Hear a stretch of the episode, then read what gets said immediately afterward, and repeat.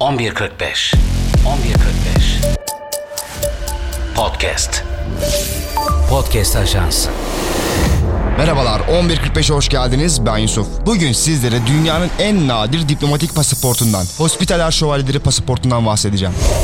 Hospitaler şövalyeleri olarak bilinen bir tarikat var. Katolik bir tarikat. Aslında bu tarikat birden çok isimle biliniyor. Rodos şövalyeleri, Malta şövalyeleri, Hospitaler şövalyeleri, Malta Egemen Askeri Tarikatı isimleri bu tarikat için kullanılan başka isimler. Tarihe meraklı olanlara bu isimler yabancı gelmemiştir. Dünyanın en nadir pasaportuna geçmeden önce bu tarikatı anlatmakta fayda görüyorum. Kudüs Hristiyanlar için kutsal bir şehir ve bir haç merkezi biliyorsunuz. Avrupa Orta Çağı'nda Kudüs'ün değeri Hristiyanlar için paha biçilemezdi. Bir grup İtalyan tüccar 1099 yılında Kudüs'te hacıların ihtiyacını gidermek ve hastalara yardım etmek adına bir manastır, manastıra bağlı bir misafirhane ve hastane kurdu. Birçok Hristiyan hacı haçlı seferlerinden sonra yağmaladıkları değerli eşyaları bu manastıra bağışlamış. O yüzden de bu manastır inanılmaz zenginleşmişti.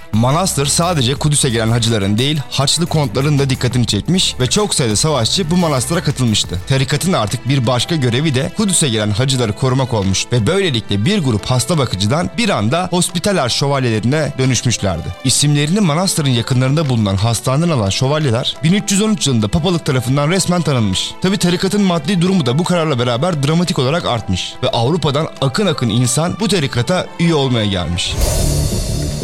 Tarikat zamanla kendini Müslümanlarla savaşan bir grup haline çevirmiş. Ama bu durum Kudüs çevresinde uzun yıllar boyunca sürmedi. Haçlı seferleriyle Kudüs ve çevresinde kurulan Hristiyan krallıkların 1200'lerin sonunda birer birer yok olmasıyla bu şövalyeler de önce Kıbrıs'a sonra Rodos'a kaçmışlar. Rodos şövalyeleri olarak anıldıkları bu dönemde 1522'ye kadar Akdeniz'de güçlü bir deniz gücü olarak Müslümanlara karşı savaşıyorlar. Bu süreç içerisinde İzmir ve Bodrum gibi yerleşimlerde de bir süre kalıyorlar. Timur'a karşı direnmek için Bodrum'da bir kale bile yapmış yapmışlar. O kale bugün Bodrum Kalesi olarak biliniyor. 1522'de Kanuni Sultan Süleyman 6 ay süren bir kuşatmayla Rodos'u alınca Kutsal Roma İmparatoru 5. Karl ya da bizde bilinen ismiyle Şerken şövalyelere Malta adasını tahsis ediyor. Jean de Valette önderliğinde adaya yerleşen şövalyeler bu süreçte Malta Şövalyeleri adını alıyor. Jean de Valette bu adada önce bir şehir kurmakla işe başlıyor. Bu şehir günümüzde Malta'nın başkenti olan Valletta. Bu dönemde ünlü İtalyan ressam Caravaggio da bir süre bu tarikatın üyesi olmuş. Ama sonra hırçın davranışları yüzünden tarikattan atılmış. Bu adada çok gelişmiş bir sağlık sistemi kuran şövalyeler denizcilikte de yıllar boyunca Akdeniz domine etmişler. Ta ki Napolyon Bonaparte gelene kadar. 1798'de adayı ele geçiren Napolyon şövalyeleri sürgün ediyor. Bir süre Avrupa'nın çeşitli yerlerinde faaliyetler gösteren şövalyeler 1834 yılında merkezini Roma'ya taşımış. Günümüzde Roma'daki bir saray ve birkaç ofis ile Malta'daki bir kale Malta şövalyelerine ait. Bunun haricinde belli bir bölgeye hakim değiller.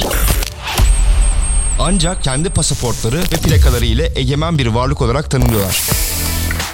Bugün resmi olarak Rodos ve Malta Kudüs'tü Sanjo'nun egemen askeri hospitaler tarikatı olarak bilinen tarikat 1994'ten beri Birleşmiş Milletler'de gözlemci statüsünde. Bu tarikatın bir başka özelliği belki en ilginç özelliği dünyadaki en nadir pasaportun bu tarikata ait olması. İlk pasaportlar Malta tarikatı tarafından 1300'lü yıllarda diplomatların büyükelçilik rollerini kanıtlayan belgelerle diğer eyaletlere seyahat etmeleri sırasında verildi. İkinci Dünya Savaşı'ndan sonra diplomatik pasaportların kullanımı diğer ülkelerde kullanılan pasaportların özelliklerini almaya başladı. Bugün tarikata ait olan yalnızca 500 civarında diplomatik pasaport bulunuyor. Ve bu da onu dünyadaki en nadir pasaport haline getiriyor. Tarikatın kırmızı pasaportu İsa'nın kanına gönderme yapıyor. Ve egemen konsey üyelerine, diplomatik misyon liderlerine ve ailelerine veriliyor. Pasaportta kuruluşun Fransızca adı ve altın bir Malta arması bulunuyor. Bu pasaportlar hiçbir tarikat üyesine ömür boyu verilmiyor. Büyük üstad dedikleri tarikat liderinin pasaportu 10 yıllık. Diğer üyelerin pasaportları da 4'er yıllık. Sonrasında bu pasaportlar ellerinden alınıyor.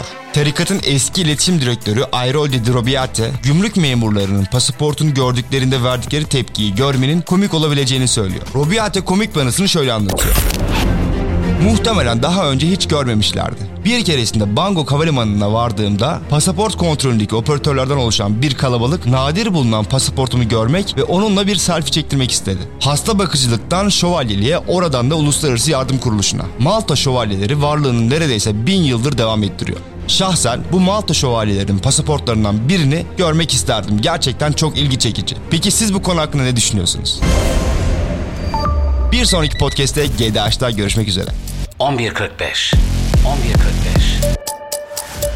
Podcast.